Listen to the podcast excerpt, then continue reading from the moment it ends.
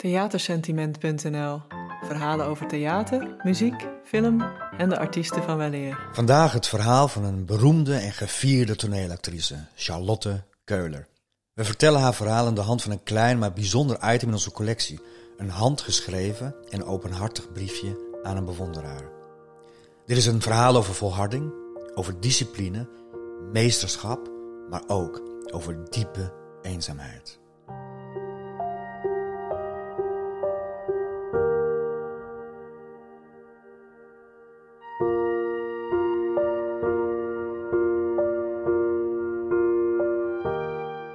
Groot je ook bent, het zal ieder artiest een keer gebeuren. Spelen voor een nauwelijks gevulde zaal. Het overkomt ook de actrice Charlotte Keuler.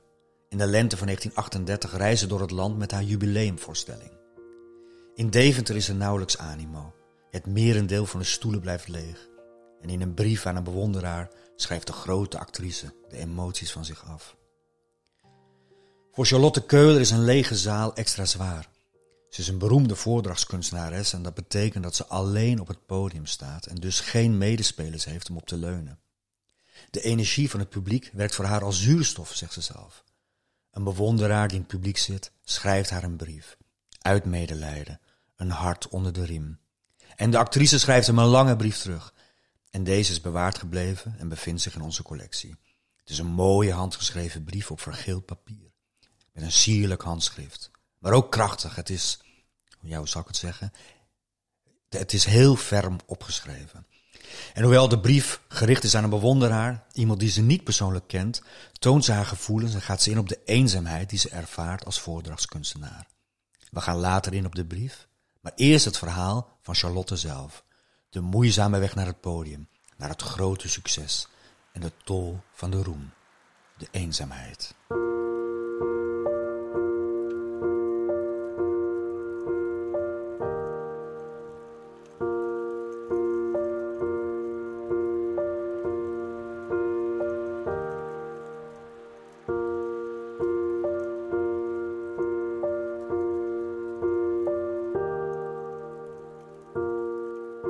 Charlotte Keuler is bij het schrijven van de brief in 1938 op het hoogtepunt van haar carrière. Ze heeft mooie rollen gespeeld in voorstellingen met een gezelschap, maar is vooral beroemd als voordrachtskunstenares, waarbij je solo, een roman of monoloog op het podium speelt. Het is Charlotte die volgens de kenners dit ambacht in Nederland tot kunstvorm heeft gebracht. En vergis je niet hoor, voordrachtskunstenaar zijn is keihard werken. In je eentje op het podium, een hele avond lang je publiek boeien met een monoloog, ga er maar aan staan en Charlotte ontpopt zich tot een meester in dit toneelgenre. Hiermee levert de actrice een, enorme fysieke en mentale inspanning. En zoals een recensent het omschrijft, ze leert hele romans uit het hoofd. Maar het is meer dan voordragen. Ze wordt één met de rol die ze speelt. Geheel alleen, midden op het lege toneel, gezeten op een krukje en met geen andere middelen dan de eindeloos geschakeerde uitdrukkingen van gelaat en stem. En een enkel sober gebaar weet zij het publiek niet alleen urenlang te boeien, maar in de band te houden met een vreemde betovering. Al dus de recensent. En dit maakt Charlotte tot een grote en gewaardeerde kunstenares. De eenzaamheid geeft haar iets pijnlijks, melancholieks, schrijft dezelfde journalist. Er ligt een stilte over haar wezen dat geheimen verbergt. De eenzaamheid is niet alleen de rode draad in de artistieke loopbaan van Charlotte, maar ook in haar persoonlijk leven. Zo vertrouwt ze een collega toe dat ze eigenlijk alleen maar s'avonds tussen 8 en 11 uur gelukkig is, als hij op het toneel staat.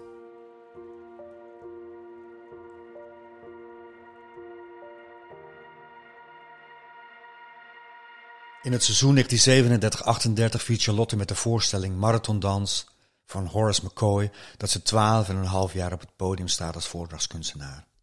Het stuk van de jonge Amerikaanse toneelschrijver gaat over een jongen die zijn vriendin op haar eigen verzoek doodschiet. Het is een intens en broeierig verhaal. En voordat ze op tournee gaat door het land, wordt Charlotte op 6 oktober uitgebreid gehuldigd in de stad Schouwburg in Amsterdam. In het comité zitten grote namen als burgemeester De Vlucht en dirigent Willem Mengelberg. De actrice heeft hard moeten werken voor deze erkenning. De weg van de achterbuurten waarin ze opgroeide naar de grote podia is lang. Ik ben een kind uit het volk, vertelt ze zelf later.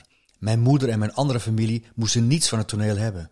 Ze steken de draak met me omdat ik bij het toneel wou. Een oudere zwager lachte me altijd uit als hij me zag. Daar heb je mevrouw Bouwmeester, riep hij dan spottend. Al dus Charlotte.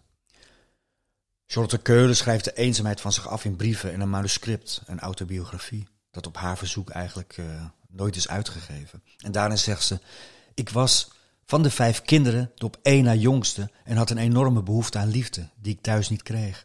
Mijn vader, een kelner, was van Franse en Duitse afkomst en mijn moeder kwam uit een boerenfamilie in de buurt van Zwolle.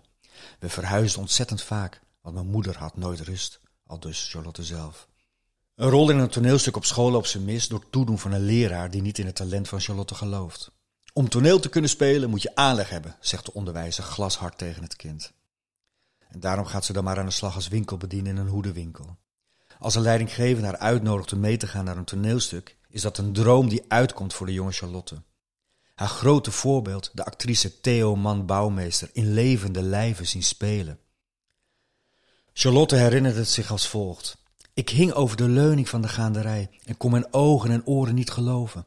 Ik huilde tranen met tuiten en dagenlang zag ik mevrouw Bouwmeester voor me. In de stoel zitten met het bruidje aan haar knieën. Zag ik haar in de speelzaal waar Armand haar het gewonnen geld voor de voeten gooit. Zag ik haar sterfscène als Armand voor het laatst binnenkomt. En voor Charlotte doet dat de droom herleven. Zelf op het toneel staan. Het lijkt onbereikbaar voor een eenvoudig winkelmeisje. Maar een collega spoort haar aan om toch die eerste stap te zetten. En ze schrijft een briefje. En niet aan de minste, de bekende acteur Willem Royaerts.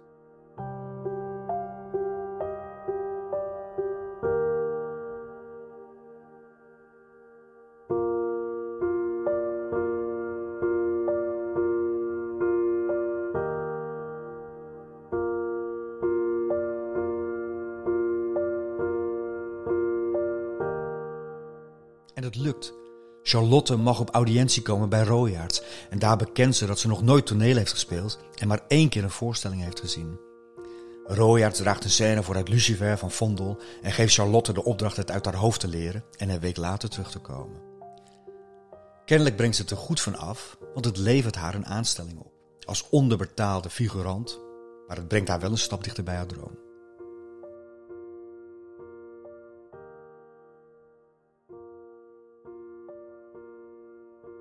Ondertussen schrijft ze zich in voor de toneelschool. Omdat ze geen vooropleiding heeft, haalt ze haar achterstand gedurende de spaarzame vrije avonturen in. Het zijn dus zware tijden voor Charlotte. Ze moet hard werken, veel studeren en houdt nauwelijks geld over voor eten. Maar die ontberingen leggen de basis voor de discipline die haar in latere jaren grote roem zal brengen. Na de toneelschool krijgt ze een aanstelling bij Eduard Verkade, ook zo'n groot acteur, en mag ze mooie rollen spelen. En bovendien sluit ze voor die eerste zomermaanden na het examen een contract af met Max van Gelder, de impresario, om voor vijf gulden per avond op te treden in een cabaret in Scheveningen, waarin ook Jean-Louis Pissuy speelt. Ze wordt ook verliefd op de acteur Auguste de Fresne en enkele jaren lang lijkt alles voor de wind te gaan. Maar het huwelijk met haar grote liefde loopt op de klippen. En als ook nieuwe engagementen uitblijven, vertrekt Charlotte in 1924 gedesillusioneerd naar Berlijn. Onder meer om Duits te leren, want, wie weet, als we in Nederland niet willen zien, dan misschien wel in Duitsland, zegt ze zelf. In het bruisende Berlijn van de jaren 20 bezoekt ze veel theatervoorstellingen en speelt ze zelfs in een film met Lia de Putti. Ondanks dit soort kleine opstekers herinnert ze zich deze periode als een bittere tijd, vol eenzaamheid. Om haar te helpen bij het leren van de Duitse taal koopt ze het boekje Fräulein Else van de Oostenrijkse schrijver Arthur Schnitzler. En vrouw Stettiner, de Berlijnse hospita, die haar dus Duits leert, laat haar stukken uit het boekje van buiten leren. Charlotte draagt voor en de vrouw raakt onder de indruk van het talent van de jonge Hollandse. En ze roept uit, wat u daar doet, dat is puur theater. Ga terug naar uw eigen land en ga Fräulein Else voordragen. Charlotte volgt dit advies op, keert terug naar ons land en staat in 1925 met deze solovoorstelling in het Centraal Theater in Amsterdam.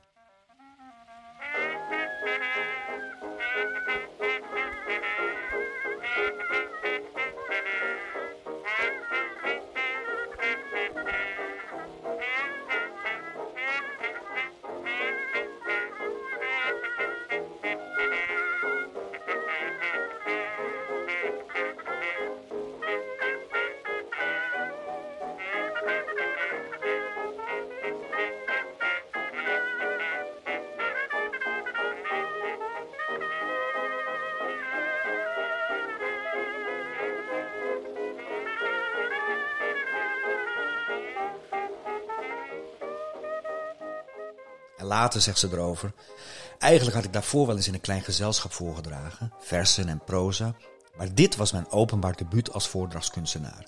Het was een artistiek succes, maar er kwamen nauwelijks mensen. Herhalen, dat zou een hachelijke onderneming worden, al dus Charlotte Keuler. Maar toch. Er zijn mensen die in Charlotte geloven. Gelukkig maar. Een stel bevriende kunstenaars springt in de bres. Zij betalen de zaalhuur als Keuler de zachtmoedige van Dostojevski wil spelen. En het mirakel gebeurde, herinnert ze zich later. Het werd een meer dan uitverkocht huis. Ik was doorgebroken en ik kon daarna de stad Schouwburg huren als ik voordroeg. Al dus Charlotte Keulen. De jaren erna begint de actrice aan een zegentocht. Een lange reeks van prachtige solovoorstellingen. Met discipline en keihard werken heeft Charlotte uiteindelijk de status bereikt van een gevierde actrice. In 1938 woont ze alleen in een prachtig en te groot herenhuis aan de De in Amsterdam. En een comité van notabelen is druk bezig met haar huldiging en de kritiek in de kranten zijn voortdurend lovend. Professioneel gaat het, gaat het haar dus voor de wind, maar persoonlijk liggen de kaarten heel anders. Na de breuk met haar echtgenoot en grote liefde blijft een nieuwe minnaar uit. De roem heeft niet het geluk gebracht waar ze naar verlangt. In een interview bekent ze: Privé ben ik zelden gelukkig geweest. Toen ik trouwde had ik wel twaalf kinderen willen hebben. En ik zou ze alle twaalf enorm verwend hebben.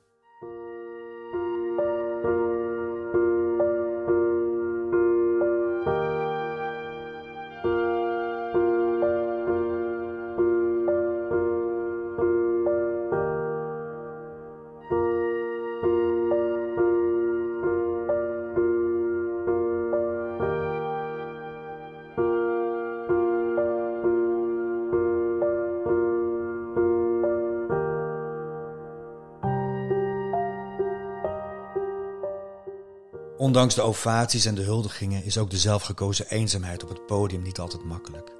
En hoe zwaar dat is, beschrijft ze in die brief waar we het net over hadden en waarmee we ons verhaal begonnen. De brief die ze in mei 1938 aan haar bewonderaar stuurt. Hij heeft zich in een schrijf aan Keulen verontschuldigd voor de halfvolle zaal die de actrice in Deventer trof. In een openhartig en handgeschreven antwoord bekent ze dat het haar aanvankelijk onzeker maakte. Ze schrijft: Het is ontzettend vermoeiend deze voorstelling te spelen en als er dan zo weinig mensen zijn, zie je tegen zo'n enorme inspanning op. Ik kan het nu eenmaal niet half doen. Ik moet me 100% en meer geven. En daar werkt op zo'n toneeltje de sfeer niet mee en er moet alles van jezelf komen. De brief van de bewonderaar heeft haar duidelijk opgelucht. Het is een bewijs dat ik het niet voor niets heb gedaan, schrijft ze, om er vervolgens nog wat hartelijke woorden aan toe te voegen. In een interview naar aanleiding van haar jubileum wordt gevraagd naar haar eenzaamheid. Ik ben ontstellend alleen. Zo alleen als je eigenlijk nooit kunt zijn. Maar dat heb ik nodig. Het maakt dat je gaat denken en rijpen. Als je steeds omgeven bent door mensen, kun je niet denken, niet met jezelf in het reinen komen. Je trekt dus bewust ergens een muur om je heen. Je wilt geen pijn meer voelen, je wilt rust hebben en van de dingen mogen houden die je mooi vindt. Die stilte en die eenzaamheid zijn tenslotte mijn houvast in het leven geworden. Al dus Charlotte Keulen zelf. De eenzaamheid in het leven van de actrice is een antagonisme geworden. Ze houdt er net zoveel van als dat ze het verafschuwt. De pijn, ze kan niet zonder. Ze heeft het nodig als brandstof voor haar meesterschap. Josephine van Gasteren, ook een grote actrice en een collega, verwoordt het als volgt. Die grote witte kamer, waar zoveel jaren die ene vrouw woont. Dat artiestenkind met die grote comediantenziel. Geen zee gaat haar te hoog. Ze kan het allemaal. Ze overdondert de mensen iedere keer weer. Ze kan het niet laten. Ze fascineert, omdat ze tijdloos is. Charlotte Keuler, altijd alleen.